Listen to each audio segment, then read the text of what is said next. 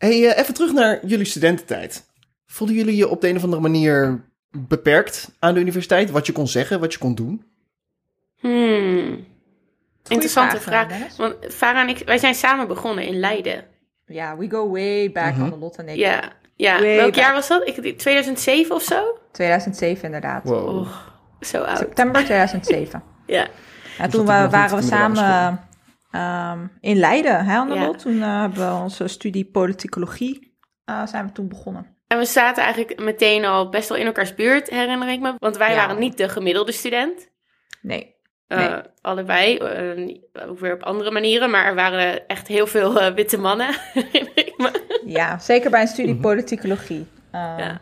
Ja, is dat daar zo? Die allemaal de politiek in wilden. Ja, Oh, Ja. god. En ook allemaal de bij een mensen- van de jongerenbeweging zaten. ik, eh, ik herinner me ook allemaal mensen die je dan tegenkomt... die dan zeiden van ja, ik eh, geloof zelf niet zo in de politiek van eh, het CDA... maar ik ga daar lid worden, want eh, je hebt gewoon de, strategisch gezien... daar de grootste kans om minister te worden. Ja, precies. Ja, dat was, het, waren, het waren echt beroepspolitici in Ja. opleiding, als het ware. Ja, ja. En ik zat er een soort beter voor... geschiedenis gaan studeren, eigenlijk, als je in de politiek, in de Nederlandse politiek wil?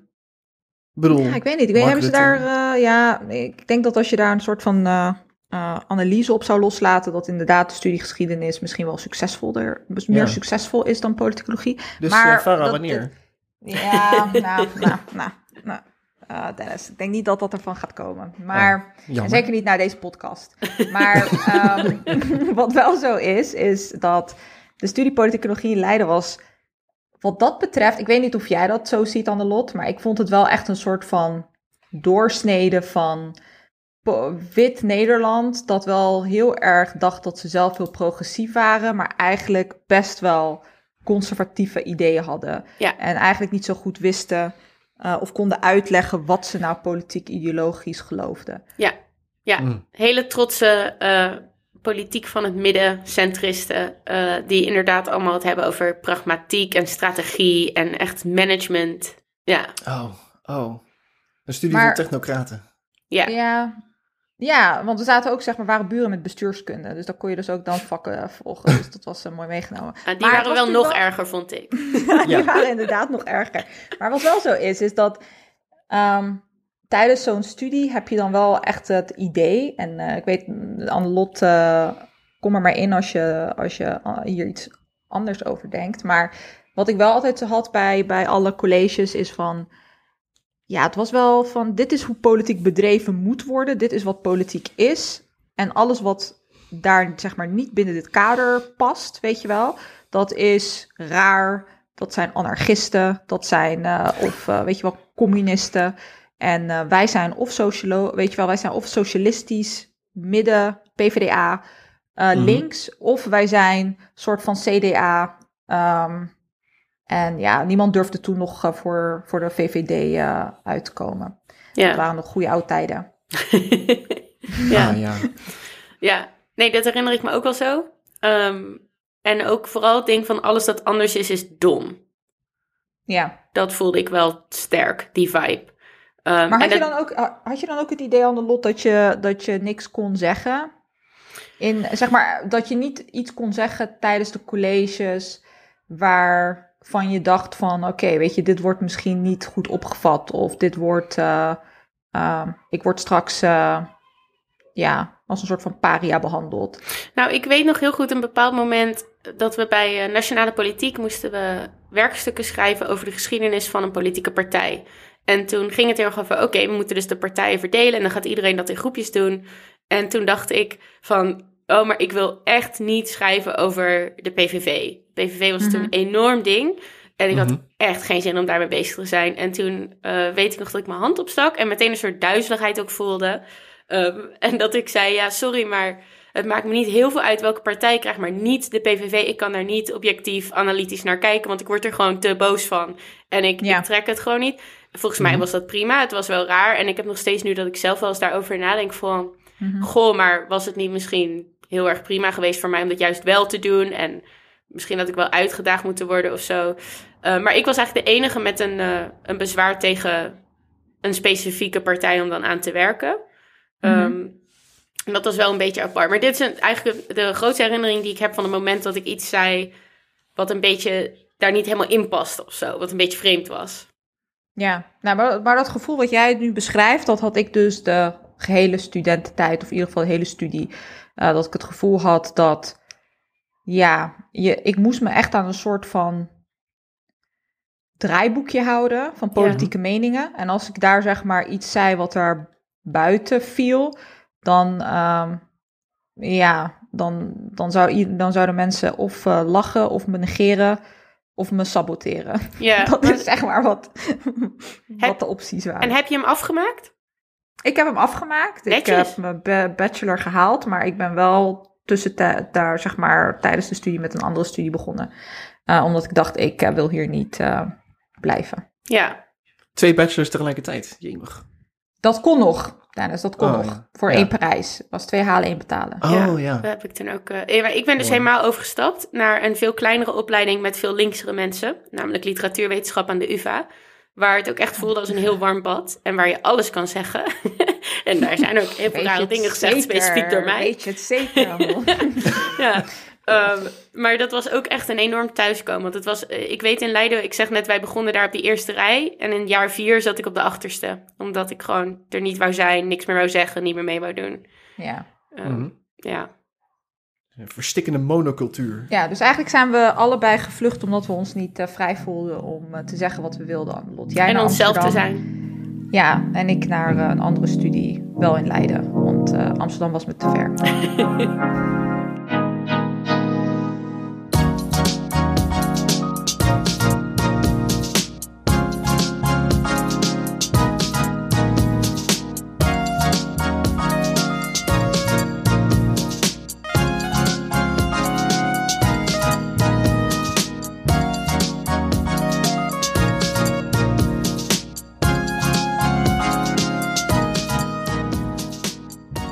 Welkom bij Het Redelijke Midden, de podcast die jullie woke houdt. Hallo, ik ben uh, Farah Bazzi en ik ben hier met uh, Annelot en Dennis. Tot de zomer ontkrachten we hardnekkige rechtsmythes en zetten er een alternatief tegenover. De mythe van vandaag is: woke is de grootste dreiging voor de westerse beschaving sinds Genghis Khan. Dat is natuurlijk klinkklare onzin. Om te beginnen weet niemand die het als scheldwoord gebruikt wat het nou eigenlijk is. Laat staan dat het een gevaar is. En in deze aflevering zullen we ingaan op waarom het wookgevaar een storm in een glas water is. En we zullen bespreken wat dan wel het echte gevaar is, namelijk, en hier komt de spoiler, het spook woke is voor politiek rechts de ideale boeman om emancipatie terug te draaien zonder dat ze hun racistische ideologie hoeven bloot te leggen of te legitimeren. Dankzij jullie, lieve luisteraar, kunnen we deze podcast maken. Voor 3 euro per maand kun je ons al steunen op Vriend slash hrm. Eenmalige donaties kunnen ook en worden ontzettend gewaardeerd. Volg ons op Instagram en Twitter op Het Redelijke Midden. Vertel anderen over deze podcast en maak dus van je kennis een kameraad. Ik heb nu al iets geleerd. Ik wist niet dat het Genghis Khan was. Gaan ik, zou, was, ik ja. zeg al heel mijn leven Genghis Khan. Dat is natuurlijk uh, Ja, dat krijg je natuurlijk het Engels mee. witte Nederlandse vibe. Ik ga helemaal, ja, het is, het is Genghis Khan. Maar ik, uh, uh, ik weet dat ze in Engels Khan zeggen, want Khan. daar komt ook die fantastische meme vandaan. Van Genghis Khan, Genghis Ja. can't. Ja. Hey, en Farah, we hebben het net gehad over jouw overstap van politicologie naar andere geschiedenis. Je bent uiteindelijk bij geschiedenis geëindigd, toch? Ik ben uiteindelijk, ja, ik heb geschiedenis gedaan, maar wel binnen de opleiding Midden-Oosten studies. Want de opleiding geschiedenis uh, was ook weer, uh, ja, te eurocentrisch voor mij. Oké, okay, oké. Okay. Um, nou, als geschiedkundige wil ik graag eigenlijk aan jou vragen, wow, daar gaan we het vandaag over hebben. Wat Ja. is het? Kun je, daar, kun je dat voor mij uh, historisch een beetje Ja. inkaderen? Leer ja, ik, uh, ik denk dat het wel, ik denk wel dat dat uh, heel handig zal zijn voor de luisteraar als we een hele aflevering over woke gaan hebben, dat ze dan ook wel weten waar we, waar we, het, eigenlijk, waar we het eigenlijk over hebben. Want dat weet eigenlijk nog steeds niemand. Het woord woke werd zeg maar gebruikt binnen voornamelijk de Afro-Amerikaanse gemeenschap in de Verenigde Staten om ja, elkaar te vertellen dat ze alert moesten blijven, als het ware, op uh, wat, wat zich afspeelde en elkaar konden waarschuwen. Uh, maar het is ook een, een, een woord wat uh, volgens wetenschapper genaamd Tony Thorne. Een, een woord is wat ook al zeg maar in de 19e eeuw gebruikt werd om eigenlijk een beetje aan te geven dat, dat je alert was, dat je wist wat er gaande was, dat je niet als het ware sliep. Uh, mm -hmm. Dat alles gewoon om je heen gebeurde zonder dat je daar enig benul van had. Ehm, maar echt hoe het, het woord woke, zoals we dat vandaag de dag kennen, van you must stay woke, dat is dus voor het eerst gebruikt. En dat heb ik ook uh, geleerd uh, door een heel klein beetje achtergrondonderzoek uh, te doen. In de jaren zeventig in een toneelvoorstelling van Barry Backham, genaamd Garvey Lives. En in zeg maar dit toneelstuk wordt er de hele tijd gezegd van I must stay woke. En op een gegeven moment is dat woord dus eigenlijk een beetje in de populaire media terechtgekomen via niemand minder dan Erica Badu, die dus een liedje heeft, Master Teacher heet het volgens mij. En uh, daarin zegt zij ook, I must stay woke. Uh, en dat liedje kwam in uh, 2008 uit, dus ja, niet heel lang geleden, maar het is hoe we het echt vandaag de dag zien, dat het gelinkt is aan de Black Lives Matter movement, is eigenlijk vooral zeg maar met moord op Michael Brown in 2014 uh, in, uh, in Missouri. En dat activisten dus ook echt woke, dat dat zeg maar vanuit de Afro-Amerikaanse gemeenschap eigenlijk een beetje de mainstream in is gegaan. Uh, en door meerdere mensen gebruikt werd. Maar het is eigenlijk iets wat binnen zeg maar, dat zuidelijke Amerikaanse dialect past en thuis hoort. Um, en daarna is het eigenlijk een soort van metafoor geworden een soort van slang wat gebruikt wordt in de politiek vandaag de dag om te refereren aan zeg maar politieke sensitiviteit en ook uh, negativiteit. Um, en dat je eigenlijk vandaag de dag niks meer kunt zeggen. Want dat mm. is. Uh, uh, want de kranten staan volgeschreven met stukken van mensen die denken dat ze niks mogen zeggen of niks meer mogen zeggen. Mm. En dat um, komt dus door woke. En dat komt allemaal, dat is allemaal, alles komt door woke tegenwoordig. Het is nu ineens een, is het, het is nu ineens een zelfstandig naamwoord geworden ook. Dat vind ik wel bijzonder. True. Heel knap. Ja, ja dat, dat niet heel veel woorden kunnen wokeness. dat voor elkaar krijgen. Ja. Maar wokeness uh, ja. is daar een soort van... Dat vind ik, ja, dat vind ik ergens nog het ergste. Het is zeg maar, in, in het Nederlands heb je nog een tijdje soort van Oké, okay, was het een tijdje dus die, die, de, het, een, een bijvoeglijk naamwoord. En toen probeerden ze er een, een, een echt zelfstandig naamwoord te maken met dus wokeness of wokisme. Mm. Oh, wokisme, wat een mm. verschrikkelijk, verschrikkelijk woord. Wokies, inderdaad. En nu is het gewoon woke. Ja, ja. ja. Wat ik jullie nu allebei uh, een beetje hoor zeggen, het duidt een beetje op een tweesplitsing in wat wokeness is. Dus aan de ene kant is er dat traditionele gebruik, dat zeker wel vanuit activistische linkse kringen komt, um, mm-hmm. waarin woke gebruikt wordt om een ontwaken, een bewustwording van structuren ja. en hoe een wereld in elkaar steekt bij mensen. Um, om daar een term voor te hebben en om letterlijk dan ook uh, het gevolg eraan te hangen van blijf waakzaam. En aan de mhm. andere kant heb je dus de kaping van rechts van dat mhm. discours om te zeggen pas op voor deze mensen, want die willen je alles afpakken. Klopt dat? Ja, ja ik, wil, ik wil rechtse mensen inderdaad alles afpakken. Oké, oké. Met, met alle plezier. Dit woord komt dus heel erg uit de Amerikaanse cultuur, uit de zwarte cultuur. Maar wij gebruiken dat nu allemaal. Is dat erg? Is er een Nederlands woord dat we zouden kunnen gebruiken? Of is het wel prima zo? Dat, ik, ik, vind, ik vind dat echt een hele, hele goede vraag, uh, Anne-Lot. Want ik denk ook de manier waarop, er, waarop woke um, een soort van belachelijk wordt gemaakt, weet je wel. Um, ik denk ook wel dat daar een soort van racistische connotatie hangt, weet je wel. Wat, mm. wat, wat niemand eigenlijk een beetje wil aankaarten. Maar wat je zegt, het is echt een woord wat uit die Afro-Amerikaanse gemeenschap komt, activistisch. Mm. Um, en het is een, een, een woord dat voor hen ontzettend veel heeft betekend. En ook als een soort van uh, binnen de gemeenschapszin, maar ook om elkaar echt gewoon te beschermen. Weet je wel? En dat dat nu zo'n woord is geworden dat ja, belachelijk wordt gemaakt in de media en zo. Het heeft echt een hele nare nasmaak. En het is zo ver verwijderd ge geraakt van wat het uiteindelijk, of wat het eigenlijk oorspronkelijk heeft betekend. Ja. Um, en dat is zeg maar voor mij ook wel um, een, een signaal of een. Uh, um, het laat ook wel zien dat, dat het eigenlijk helemaal niet serieus wordt genomen. Wat dan die bezwaren waren initieel, of zeg maar in het begin, toen het woord tot zeg maar werd ge gecoind als het ware in die tijd. Ja. Want dat het is idee... niet de eerste keer dat dit gebeurt, hè? Met, uh, maar cancelen is natuurlijk ook. Met, met cancelen en zo. Maar, maar wat, wat ik wel zeg maar ook hoor, wat, wat Annelot zegt. Um, en dat is ook wel iets wat we misschien kunnen bespreken om het naar Nederland te halen. Want uh, de geschiedenis die ik nu beschrijf, heeft vooral zeg maar betrekking op de VS. En ehm, wanneer het over woke gaat in Nederland, wordt er heel vaak gezegd van ja, maar dit zijn allemaal dingen die uit Amerika komen. En uh, daar hebben wij in Nederland helemaal niks mee en alles, weet je wel. Er zit ook wel een soort van anti-Amerikaans sentiment in. Um, maar wij hebben natuurlijk in Nederland een soort van tegenhanger. Nou, niet tegenhanger, een soort van synoniem als het ware misschien. Ik weet niet hoe jullie daar uh, naar kijken van woke. Wat natuurlijk polycore of politieke correctheid ja. uh, is, weet je wel. Um, en wat dat natuurlijk wel interessant is, is dat dat een term is die echt vooral uit de jaren 80 en 90 komt in Nederland. En dat dat zeg maar een term is die uh, aangehaald werd om zeg maar linkse ideeën te problematiseren door rechtse denkers en politici. Ja. Uh, die zoiets hadden van, ah, weet je, de Koude Oorlog is gewonnen door het liberalisme en tussen quote-unquote rechts. dus ja, er, is, er moet eigenlijk nog geen plek meer zijn op universiteiten voor linkse ideeën. Uh, en alles wat een beetje rechtse ideologie, of wat zij dan het normale noemen, um, bekritiseert of onderuit haalt, werd dan gezien als politiek correct. Of politiek correct proberen te doen. Um, ja. En ik vind het ook wel interessant dat zeg maar die twee woorden eigenlijk in Nederland best wel ja, synoniem zijn. Politiek correct en, en, en, en woke. Dat is eigenlijk ja. een beetje hetzelfde doen.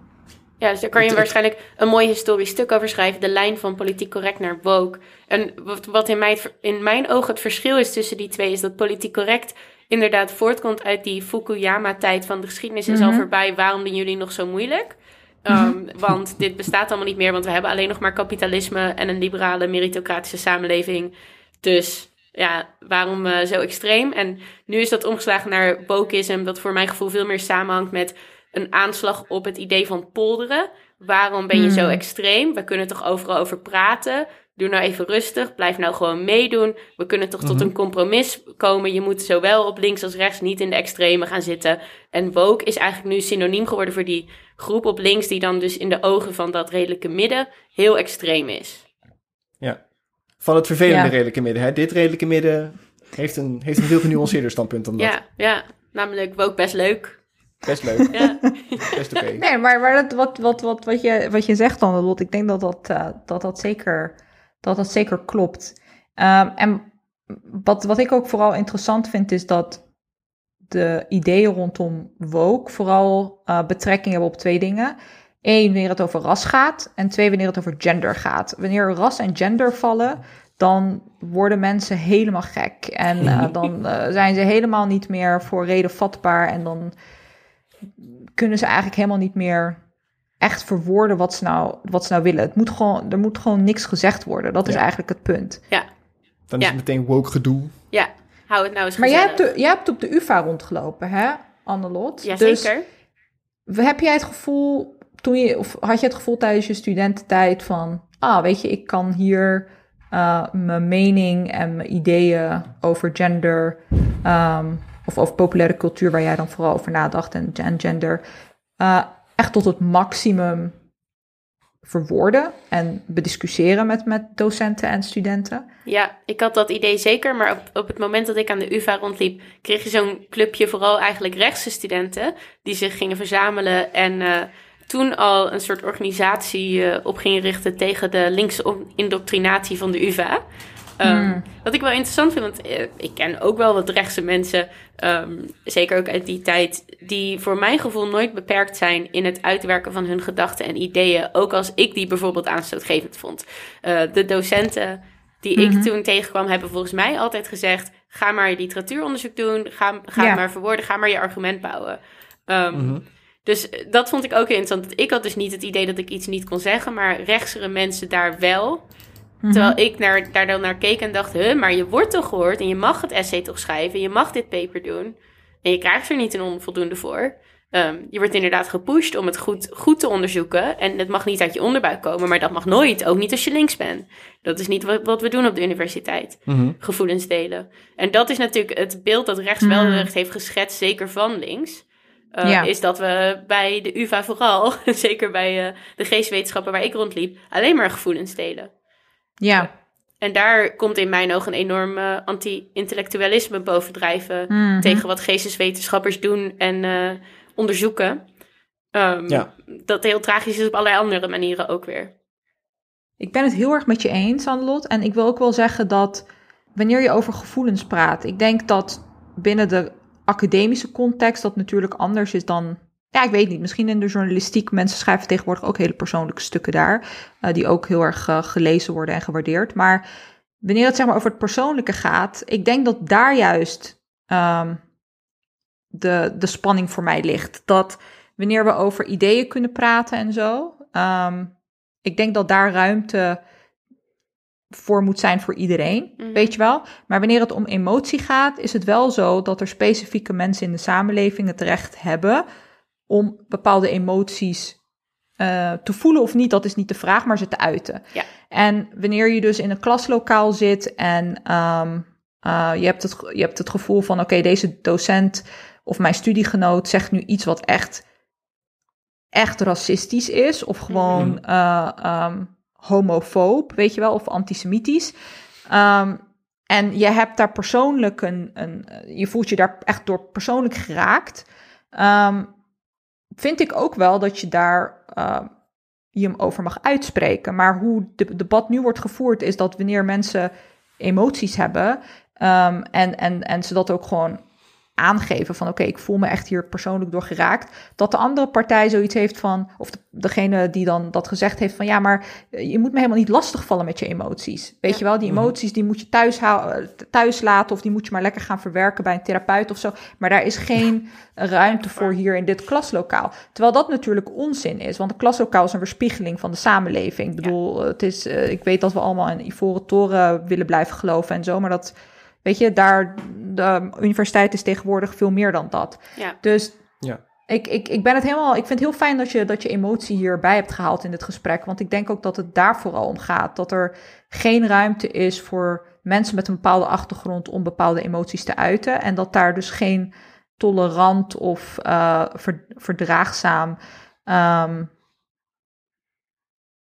ja, ik weet niet wat het woord is wat ik, wat ik zoek, maar er, er is gewoon geen ruimte voor. En ik denk dat dat uh, Mhm. hetgeen is wat heel veel mensen, uh, heel veel studenten vooral, heel veel pijn doet. Omdat ze zoiets hebben van ja, maar ik, ik wil gewoon mezelf zijn in deze klas. Ik wil mijn ideeën kunnen voort. Ik wil mezelf niet. Ik wil niet performen. Ik wil niet doen alsof ik iemand ben die ik niet ben. En ik Ja. wil mijn ideeën laten voortkomen uit mijn eigen belevingswereld en mijn eigen ervaringen. Dus in die zin is het wel heel interessant dat dit op dit moment gebeurt. Dat wanneer de universiteit, die voor, vroeger vooral zeg maar door, um, ja, dat er vooral witte studenten van bepaalde sociaal-economische achtergrond, um, Ja. dat, je, dat die zich daar bevonden en dat de universiteit nu wat breder is en dat er ook wat meer mensen met een arbeidersklasse achtergrond of mensen met een mensen van kleur daar zitten die ook ruimte willen innemen en dat Ja. mensen zoiets hebben van nee dat gaat gewoon niet gebeuren want uh, wij hebben geen Mhm. woord wij hebben geen weerwoord voor jullie dus dan moeten jullie ook maar niks zeggen Ja, ik dat ben is heel heel benieuwd. belangrijk, hè? dat ze geen weerwoord hebben. ja Docenten lijken helemaal niet, die worden sowieso ook helemaal niet opgeleid om om te gaan met emoties en dat soort dingen. Zeker aan de universiteit niet. ja Er gewoon geen, geen idee wat je, daarmee, wat je daarmee moet. Maar het is dan ook zo dat wanneer ze dan op dit soort dingen aangesproken, dat het gelijk een. Ze, krijgen gelijk een, ze schieten gelijk in de verdediging in plaats van het, het bijvoorbeeld accepteren dat hun lessen dit soort emoties voorbrengen. En dat er dan inderdaad ook ruimte voor ehm, ehm, kan zijn. Ik vond dat, dat stuk wat eh, Jaap Kooijman hierover schreef in de One World heel sterk. Dat hij vertelde over die student eh, die, nou wat zei hij, iets van 10 of 20 jaar geleden of zo naar hem toe kwam. En zei, ik heb tijdens jouw les nu zeg maar een uur lang naar het woord kut Marokkanen moeten, moeten kijken. En de student was dan zelf van Marokkaanse afkomst. En weet je wel dat dat heel pijnlijk was? En dat zijn eerste reactie is, wauw wat dapper dat je dit zegt. Ja, Wat denk ik de, fantast de beste reactie is. Want wat fijn, een student komt naar jou toe terwijl jij die student een cijfer kan geven of, eh, Ja. of, of iets dergelijks. dan heb je dus iets gedaan met die sfeer dat je wel die ruimte creëert waar Farah het net over heeft. Ehm, en ik dacht net ook nog van, de, ik zeg dan van ja, ik kon wel alles zeggen voor mijn gevoel. Maar dat komt natuurlijk ook omdat ik wel een witte vrouw ben. En alsnog daar ook heel veel ruimte is voor Mhm. mij om te kunnen zeggen: Ik weet het allemaal niet met gender en seksualiteit. En ik ben chronisch ziek en ik heb allemaal dingen. Maar ik weet ook nog heel goed een ander college waar we het over Zwarte Piet hadden. Volgens mij heb ik het hierover Mhm. gehad in de allereerste aflevering waar wij host waren. Ehm, Mhm. Waarbij ons gevraagd werd: van, Nou, vinden jullie dat nou een probleem? En het was misschien 2012 of zo, 2013. Ehm, en ons, in ons lokaal zaten misschien drie mensen van kleur. Ehm, en dan 22 witte mensen. Eh, en al die witte mensen die waren een beetje over aan het nadenken. En ik dacht, nou, ik zal even mijn gedachten delen. Want ik heb heel mijn leven het gevoel gehad dat mijn gedachten heel belangrijk zijn. Dus dat zal ik wel even zeggen. dus ik zei, nou, volgens mij is het gewoon niet echt zo bedoeld. Dus ja, ik weet niet. En toen zat er eh, een, zwart, uh, een zwarte medestudent die zei... Ja, sorry, maar begrijp jij wel hoe mijn december is? En dat ik de hele tijd word uitgescholden. En dat dit gewoon de realiteit van mijn bestaan is. En op dat moment werd het hele lokaal heel erg stil. En de docent die stelde wat vervolgvragen aan haar. En eigenlijk iedereen in die... Je zag gewoon door de, eigenlijk iedereen woke worden in die zaal. Er was niemand die hier tegenin ging. Iedereen dacht, wow, daar heb ik inderdaad nog nooit over nagedacht. En dit vind ik heel erg naar. En je hebt gelijk, dit is wel een slechte zaak en we moeten hier iets mee. En ik vond het zo mooi dat die docent de ruimte had gecreëerd voor ook de foute meningen. Hè? Mijn mening echt duidelijk heel fout. Eh, best wel gênant, schaamtevol achteraf. En daar komt dan misschien bij sommige mensen zo'n reflex uit van... oh, ik ga harder vechten en me helemaal hier inzetten. Maar op dat moment in het klaslokaal was de sfeer zo goed... dat wij heel veel ruimte konden creëren voor haar ervaringen... en ons eigen wereldbeeld bij konden stellen... en konden zeggen, wow, ik zat ernaast. Jij hebt gelijk, dit is wel fout. En volgens Ja. mij heb je het dan als docent helemaal gemaakt. Als je dat Ja. kan, Precies. Hoe groot, hoe groot was het klaslokaal waarin je dat deed? Eh, weet je dat nog? 25 man denk ik. Oh, ik heb dat gedaan voor zeg maar 300. Oké, ja. Eh, en, en niemand in de opleiding heeft me daarna gecanceld of eieren naar me gegooid of Nee. zo. Dus Ja. Nee, het valt best wel mee. ja. En eh, wat ik leuk vind, ik heb toen ook nog later eens met die docent gemaild, ook over dat ik zei, oh, ik heb zoveel domme dingen gezegd. En zij, die zei, nee joh, je bent daar om te leren. En jullie waren allemaal aan het leren en allemaal aan het groeien. Ja, Wat een mooi Ja. klimaat. En toen wist Ja. ik dat ik in de wetenschap wilde werken. Dat is heel mooi. Oh, dat is, dat is, echt, dat is echt heel mooi. En, en best wel aandoenlijk eh, aan het lot. Ja, ik, ik denk dat is toch wat je eigenlijk wil hebben op een universiteit. Dat daar werelden samenkomen en dat mensen van elkaar leren. En dat het niet. Het is niet het idee van je, je mag niks zeggen, maar je moet ook wel alert zijn over de consequenties van wat je, wat je zegt, weet je wel. Ja. En ik denk dat dat zeg maar een universiteit misschien wel. Ik denk, ik zou dat idealitair overal in de samenleving willen zien. Maar ik denk dat dat is wat een universiteit onderscheidt. Dat je ook geacht wordt om na te denken over de consequenties van de woorden en, en, en de ideeën die je daar Ja, uitdraagt. en hoe je je Ehm, lessen opzet. Ja. Precies. En zeker voor docenten. Dus het is ook wel, Ja. zeg maar, ehm, ja, een, een peda- pedagogische discussie als het ware. Waar, waar we eigenlijk in de journalistiek en ehm, in de politiek vandaag de dag, wanneer het over woke gaat, heel weinig over hebben waar het nou eigenlijk over gaat. Ehm, want het wordt vooral voorgesteld als, als een soort van censuur, omdat het, ja, probeert om iedereen in het gareel, gareel te houden. Ja, in het, in het, in het politiek correcte... In het politiek Gareel. correcte gareel, inderdaad. Hey, volgens mij Politieke, hebben wij... politieke correctheid is niet helemaal van weg geweest. Het- Zeg maar niet helemaal Nee, weg het ook. bestaat nog steeds, hoor, eh, ja. ding, Ja. ja. Hey, Het- en wij het staan bestaat. alle drie wel eens voor de klas. Ben je zelf wel eens teruggefloten door een student? Ehm, Ik, eh, ik niet. Oh, Nee. Ik heb wel hele uitgebreide discussies gehad met studenten over gewoon dingen die ik zei. Ehm, over, maar, dan, maar dan was ik zeg maar de, de woke docent. En dan had ik een student die zichzelf eh, als radicaal centrist identificeerde. En vanuit daar ehm, zeg maar zijn, mening, zijn meningen uitte en zo. Maar, radicaal nee. centrist vind ik een prachtige positie. Ja, ja ondertussen, ondertussen is, hij, is hij heel links. Ehm, Hmm. Doordat hij, hij, hij heeft te lang aan de universiteit gezeten. Ja. Dan krijg je dat. En jij, ik heb, eh, ik heb, ehm, ja, ik heb een keer een discussie gehad met een student. Ik zou wel zeggen, ik geef eh, dus in Amerika les. Eh, en ik had, eh, ehm, het was een vak wat eh, ging over Mexicaanse migratie naar eh, de Verenigde Staten. En eh in werkcollege wilde ik heel graag praten over het concept gastvrijheid.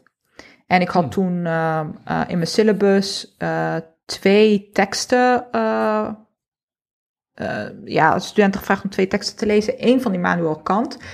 Die heeft een essay over gastvrijheid geschreven. En één van ehm, de, de Mexicaanse eh, poëet Anzaldúa over borders.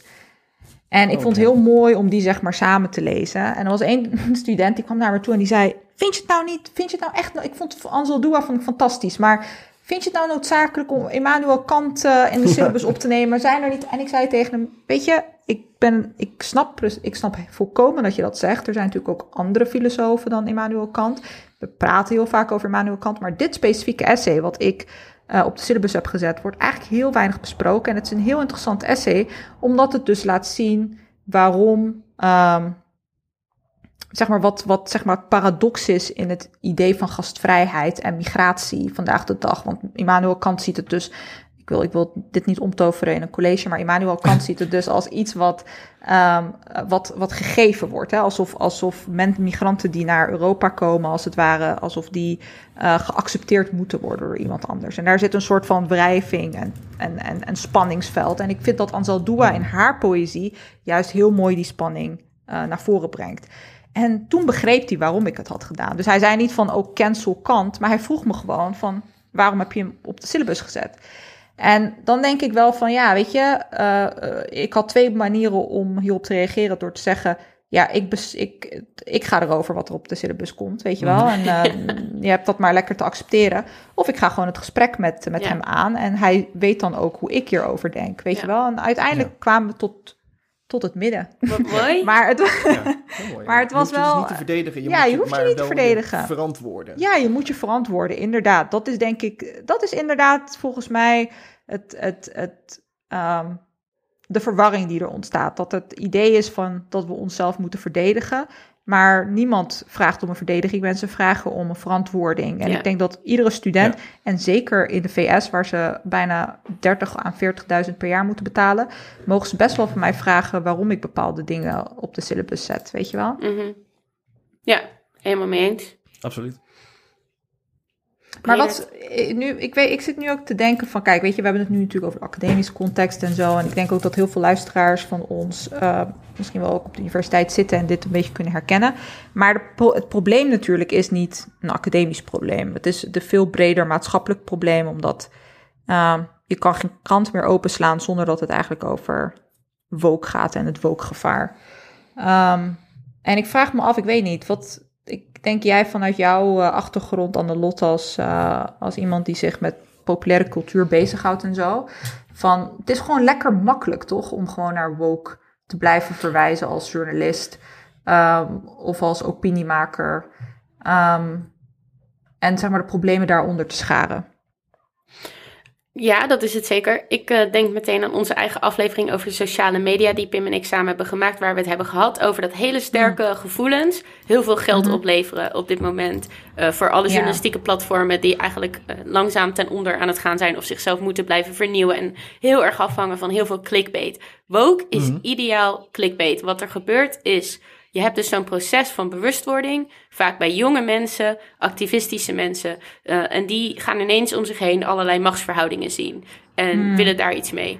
Um, dat krijgt uitglijers, uiteraard. Want mm -hmm. op het moment dat je zo'n gewaarwording doorgaat, denk je zelf dat alles enorm baanbrekend is qua inzichten. Ik weet nog heel goed, ja. afgelopen kerst uh, was er een soort rel op een hele kleine Amerikaanse universiteit, volgens mij, waar niemand echt veel om geeft. Omdat er studenten waren geweest die hadden gezegd, op ons kerstfeest willen we niet Baby It's Cold Outside, want het is een rape anthem. En ja. dat mag niet mm. gedraaid worden. Dit werd opgepakt door alle media die je kan bedenken. Volgens mij ook door de Nederlandse media. Terwijl ik alleen maar dacht, dit is helemaal geen nieuws. Er zijn vijf, zes studenten die hebben gezegd, ik wil dat liedje niet horen. Hoezo moeten we hier allemaal over praten als een soort enorm gevaar voor de democratie, voor samenleving, voor vrijheid van meningsuiting. Terwijl dit gewoon een groepje studenten is die inderdaad terecht in bepaalde mm. muziek en popcultuur structuren terughoort waarvan ze zeggen, maar wacht even, dit klopt niet. Dit is een patriarchaal wereldbeeld. Dit is mhm. inderdaad, dit gaat helemaal niet over wat seks eigenlijk zou moeten zijn met heel veel consent en vreugde en enthousiasme.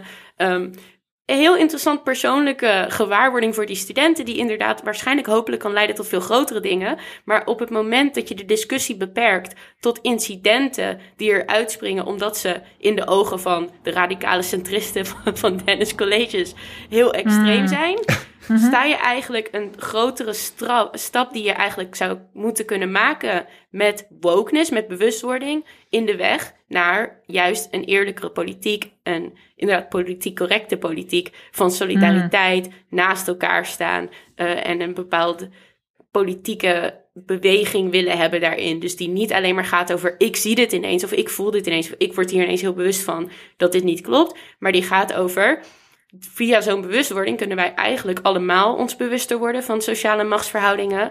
En ons dan politiek gaan organiseren om die zij aan zij kapot te maken. Zodat de wereld voor meer mensen een prettigere plek wordt. Ja, wauw.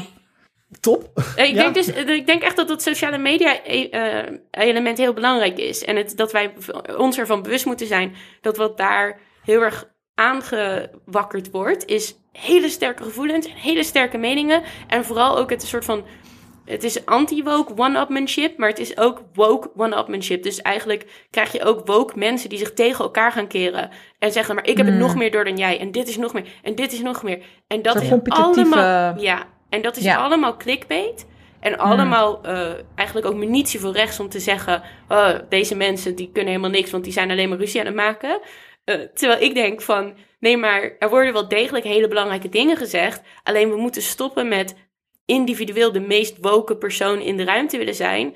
En in plaats Hmm. daarvan meer solidariteit aanmoedigen. Ehm, en dus misschien is dat ook wel mijn counter, counterterm als ik zelf vraag aan jullie: is er een Nederlandse term voor woke? Ik zou willen dat het solidariteit kon zijn in het volgende tijdperk. Dus dat we het kunnen Hmm. hebben over hier was het politiek correct, hier was het woke en toen werd het weer solidariteit. Ja, Het zou ook wel, zeg maar, heel gemeen zijn. Want dan moet je rechtse mensen hebben die zeggen van... Weet je waar ik eigenlijk tegen ben? Solidariteit. Precies, Oh, dat laten we het maar solidariteit. maar dat, dat, dat, Wat dat, dat- dan gaan ze wel met toch de billen allemaal. bloot, toch? ja, eh, en dat doen ze toch eigenlijk ook wel met de helemaal politiek correctheid? Want wie Ja. wil er nou in, incorrecte politiek? Wie wil Nou, dat nou? zeg maar, als ik, als, ik daar, als ik daar heel kritisch naar kijk, dan zou ik zeggen dat solidariteit helemaal niet politiek correct is. Want Mm. we leven niet in de tijd waarin wat als politiek correct en gangbaar geldt, Mhm. dat, dat, dat dat echte solidariteit is. Dat is gewoon het redelijke midden. Ja. VVD stemmen Ja. enzovoort. Mhm. enzovoort. Of, of P- PvdA stemmen Ja. en dan zeg maar huisjesmelkers in de raad hebben en zo. Ja, Ja, maar het is, wat, wat, wat ik dus ook aan de lot hoor zeggen... en wat ook zeg maar wel precies is wat ik, wat ik vind over, over wat woke eigenlijk doet... is het ondermijnt ideale, iedere ideologische discussie, als het Ja. ware. Ehm, en we in de media tegenwoordig willen we natuurlijk niet meer hebben over ideologie. Weet je wel? Ja. Het moet allemaal, wat jij ook zegt aan, uh, moet lekker persoonlijk, weet je wel? ja. Eh, gevoelens, emoties... individuen. Eh, politieke ideeën, politiek zonder politiek als het ware. ja. Ehm, en, en ik denk dat dat het echte gevaar is wat, wat we vandaag de dag zien, omdat er gewoon geen mogelijkheid is voor progressieve politiek om een inhoudelijke discussie te voeren met de opponent als het ware en die ook echt zeg maar kan uitdagen om nou echt te vertellen wat ze nou vinden en ze eigenlijk Ehm, ja, ik, ik wil er een soort van eh, spreekwoord voor gebruiken, maar dat ga ik maar niet doen. Want eh, alle spreekwoorden die ik gebruik in de podcast eh, slaan de plank mis. Ja. Eh, maar, Hey! Nice. maar het is. ja, even, even, even petje. Heel scherp hoor. Ehm, maar ehm, wat, wat, wat, natuurlijk, wat natuurlijk wel zo is, is dat wat de media doet, is een platform bieden aan eh, rechts, als het ware, om ervoor te zorgen dat er geen ideologische discussie hoeft plaats te vinden. Want daar hebben mensen toch geen tijd voor en hebben ze ook geen Nee. zin in. Wie wil er nou lezen over klassenstrijd? Wie wil er nou lezen over het feit dat dezelfde journalisten ehm, en dezelfde opiniemakers die constant roepen in de media dat ze niks mogen zeggen, eigenlijk het platform gekaapt hebben en, en, en, en het voor zichzelf gebruiken Ja. en met niemand willen delen? Behalve eh, mensen die dus- een abonnement op Jacobin hebben. Oh, goeie, goeie Dennis, inderdaad. Maar de macht wil, willen ze gewoon niet delen, weet je wel? Nee. En, ehm, Ze hebben allemaal politicologie gestudeerd in Leiden. ze hebben allemaal inderdaad politicologie in Leiden. Ja, ze zijn beroepspolitici. Ja. Dus, ehm, en dat is het zeg maar, dat, dat de discussie, want, want wat ze dan wel moeten zeggen is van ja, maar weet je, die racistische ideeën die ik heb, ik wil die gewoon eigenlijk ongestoord en zonder weerwoord gewoon willen kunnen zeggen, weet je wel? Ja. Of ik wil eigenlijk helemaal niet, ehm, ik wil eigenlijk helemaal niet onder druk worden gezet om me eigenlijk uit te spreken dat ik deze ideeën heb. Weet Is je wel? Ja. eh, zo'n, klassieke, zo'n klassieke tweet van... eh, oh, I'm being censored for my conservative views. En dat iemand dan vraagt van... Which conservative views? Oh, you know the ones. Ja, ik, precies, precies Dennis, dat, dat, weet je wel. Je, wil dat niet zeggen, je wil gewoon niet zeggen dat je die ideeën hebt. Ja. Want die, zijn, die ideeën zijn in jouw wereldbeeld gewoon normaal, hè? Ja. natuurlijk. Dat is hoe mensen zich gedragen, dat is hoe ze geboren zijn. Ehm, Mhm. En alles wat daar tegen ingaat, ehm, ja, daar wil, daar wil niemand over. eh, daar wil niemand eigenlijk over praten. En Dus grap- woke is, is heel makkelijk. En grappig Ja, genoeg zijn daar ook heel veel gevoelens natuurlijk aan verbonden. Want Mhm. dat wat zij willen voorkomen is het gevoel dat ik dus heb gehad in die collegezaal. Dat je heel duizelig wordt en ineens beseft, ik zit er Oh, helemaal ja. naast. Mijn Ja. wereldbeeld klopt niet, ik moet aan de slag. En dat, dat heeft heel veel consequenties. Want je moet dan gaan lezen, je moet je gaan verdiepen. Je moet mensen vragen stellen, in gesprekken gaan die extreem oncomfortabel zijn. Maar wat Ja. je ook kan doen, is zeggen, goh, zo had ik het inderdaad helemaal niet bekeken. Ik moet er even over nadenken. En dat gevoel Ja. is zo prachtig ook soms om inderdaad juist dat verhelderende moment te hebben van wow, jouw leven is helemaal niet fijn inderdaad als persoon van kleur en ik kan er iets kleins aan doen door in ieder geval te zeggen racistische karikaturen zijn kut. Ja. Ja, En- en, en- ik, en ik kan naar je luisteren. Ja, en ik kan is naar je luisteren. Weet je Het is, wel? wel, Dat- het dat is dan wel zo zijn. dat, zeker voor witte mensen is het, eh, is het zo eh, dat ehm, in een van, de, een van de afleveringen van Atlanta vorig jaar eh, zit Liam Neeson. En die zegt tijdens zijn cameo, one of the best things about being white, of nee, gewoon one of the things about being white is that you don't have to learn anything you don't want to. Ja. Hmm. Dus Oh ja, ja. het zijn Ja. natuurlijk veelal mensen die ja, het zou heel mooi zijn als je inderdaad jezelf open zou kunnen stellen en... Ja, maar dat eh, wordt, dat wordt niet in deze, en we hate to bring it to you, in deze kapitalistische wereld eh, Nee. waarin alles om competitie draait en eh, waar er geen ruimte moet zijn voor emotie en waar de mens gewoon lekker als een soort van robot moet produceren, daar is daar geen ruimte voor. Hè? Nee. Want eh, Nee. je moet gewoon jouw ideeën en jouw persoonlijkheid, je moet je als een soort van Je god brand. in deze wereld voelen. Weet Ja. je wel? Ja, En als je dat niet doet, dan... En ik denk dat dit ook is wat veel rechtse mensen dan naar vinden aan woke. Is dat zij het idee hebben dat woke mensen alles altijd goed doen en alles altijd goed Mhm. hebben. En dat je van woke mensen geen fouten mag maken. Dit is helemaal niet waar. Iedereen maakt fouten de hele tijd. En je kan prima sorry zeggen en gewoon doorpakken. Het is helemaal niet erg om het fout te doen. Je kan gewoon leren van dingen. Het is prima. Ook op links doen we heel veel fout de hele tijd. Ja. Het is, het is dan wel zo dat dit in sommige gevallen... Je moet het... Ook, ook linkse mensen moeten dit natuurlijk af en toe nog leren, denk ik. Zeker als Mhm. je in het begin van zo'n, van zo'n fase zit. Maar het voelt ook zo dat... Ja, dat, dat, dat, dat, dat purisme, dat, dat heb je bij alles wat ook maar een beetje naar, naar woke of politiek correct eh, neigt. Wordt dat zo, zo gezien. Het was ook heel lang zo bijvoorbeeld dat... ehm, zeg maar, een van de redenen denk ik dat, dat het heel lang duurde voordat eh, eh, vegetariër zijn ook maar een beetje aansloeg, was omdat mensen heel erg het idee hadden dat ze niet dan een keer vlees konden eten of zo. Dan hadden ze Mm. meteen fout gedaan en dan had het ook helemaal geen zin meer. Dan kon je net zo goed gewoon doorgaan. Ja. Ehm, terwijl, ja, maar, maar ook het idee van, ja, maar jij wilt, jij wilt toch vegetarisch zijn? Weet je, waarom moet alles zo persoonlijk gemaakt worden? Ik, had- ja, ik zat dus een paar dagen geleden in een eh, training, ik zal jullie besparen waarom, maar er werd een training gegeven over eh, diversiteit en inclusiviteit.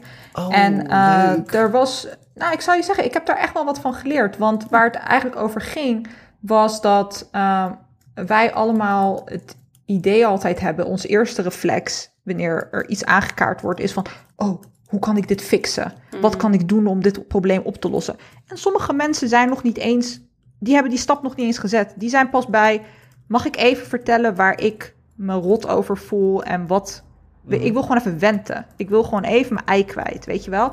En wat jij daarmee gaat doen, wacht daar nog maar eventjes mee, weet je wel. En ik denk dat dat zeg maar ook een... eh, ehm, dat er in deze samenleving waarin we vandaag de dag leven... en het ritme en tempo die erin zit... er is helemaal geen geduld. Er is geen geduld om na te denken. Er is geen geduld om de discussie aan te gaan. Om naar Mhm. elkaar te luisteren. Om samen tot een bepaald... ehm, ja, midden te komen, weet je wel. Er, het is gewoon heel erg gepolariseerd allemaal. En ehm, ik denk ook dat, dat dat een van de redenen is waarom we vandaag de dag, zeg maar, als, als links ook eigenlijk een beetje die rechtse flex hebben om aan dat puriteinse vast te houden. Mm. Weet je wel, want dat is echt wel gewoon uiteindelijk wel een rechtse flex. En, en dat is misschien ook wel de grootste mythe van deze hele aflevering. Is dat woke helemaal niet een soort verzamelde beweging is die met één grote vuist op allezelfde dingen wilt staan. Maar juist een soort helemaal niet verzameld clubje van mensen is Hmm. dat heel rommelig is. En mensen willen er ook hele andere dingen in. Het enige wat het gemeen heeft, onder de term woke, wat ik eronder vind, is dat het mensen zijn die dingen graag beter willen leren begrijpen. En de wereld een klein beetje beter willen maken voor zoveel mogelijk mensen. Mhm. En dat is wat Ja. ze gemeen hebben. Maar qua organisatie, het is helemaal niet één groot woke. We hebben geen. Mhm. er is Precies. geen woke complot. Er is niet een woke vergadering één keer per jaar van, nou, wat gaan we dit jaar doen met woke? het zijn gewoon inderdaad mensen die in een vergadering zet- zitten en zeggen, ik vond dit eigenlijk niet zo fijn. Of kun je dit de volgende keer misschien anders verwoorden? Ehm, of een vraag stellen over, goh, wat bedoel je daar eigenlijk mee? En daarmee hopen iets meer begrip te creëren voor de verscheidenheid aan ervaringen van mensen in de wereld. Ja, precies. Ja. En misschien is het ook wel dan de, de les die, die, die Woke dan kan, kan, kan leren of moet leren, is van wat is het platform dat je wil gebruiken voor de discussies die je wilt voeren? Weet je wel, als ik bijvoorbeeld kijk naar afgelopen week, ehm, ik wilde het eigenlijk helemaal niet een uitzending noemen, maar ja, weet je, we kunnen er eigenlijk niet zo erg omheen.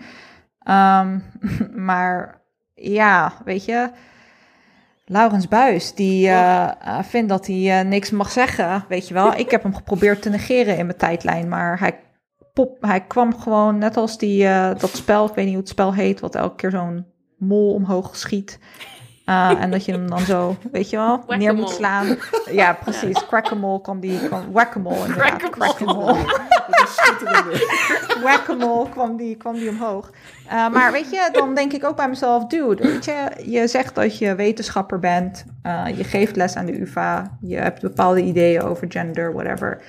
Schrijf ze op in een wetenschappelijk artikel, er is peer review, er zijn discussies mogelijk, whatever. Ja. Waarom waar die vervolgens je... niet doorheen komt overigens, maar dat is een ander... Nee, maar hij komt er niet doorheen omdat er natuurlijk mensen zijn die veel meer capabel zijn en veel betere ideeën hebben, die, Ja. uh, um, die dat dan zeg maar tegenhouden. Of in ieder geval, wat wel zo is wanneer ik zeg tegenhouden, die mensen zeggen dan ook wel waarom ze het doen. Hè? Ik bedoel, hij krijgt waarschijnlijk een heel boekwerk aan ideeën waarom, die, waarom dat artikel niet gepubliceerd wordt. Ja. Maar ik vind het interessant dat zulke mensen dan, in plaats van dat ze dan het platform kiezen van ja, een academisch journal of een wetenschappelijke um, kring, dat ze dan gewoon lekker Mhm. even in, uh, op de radio uh, komen praten.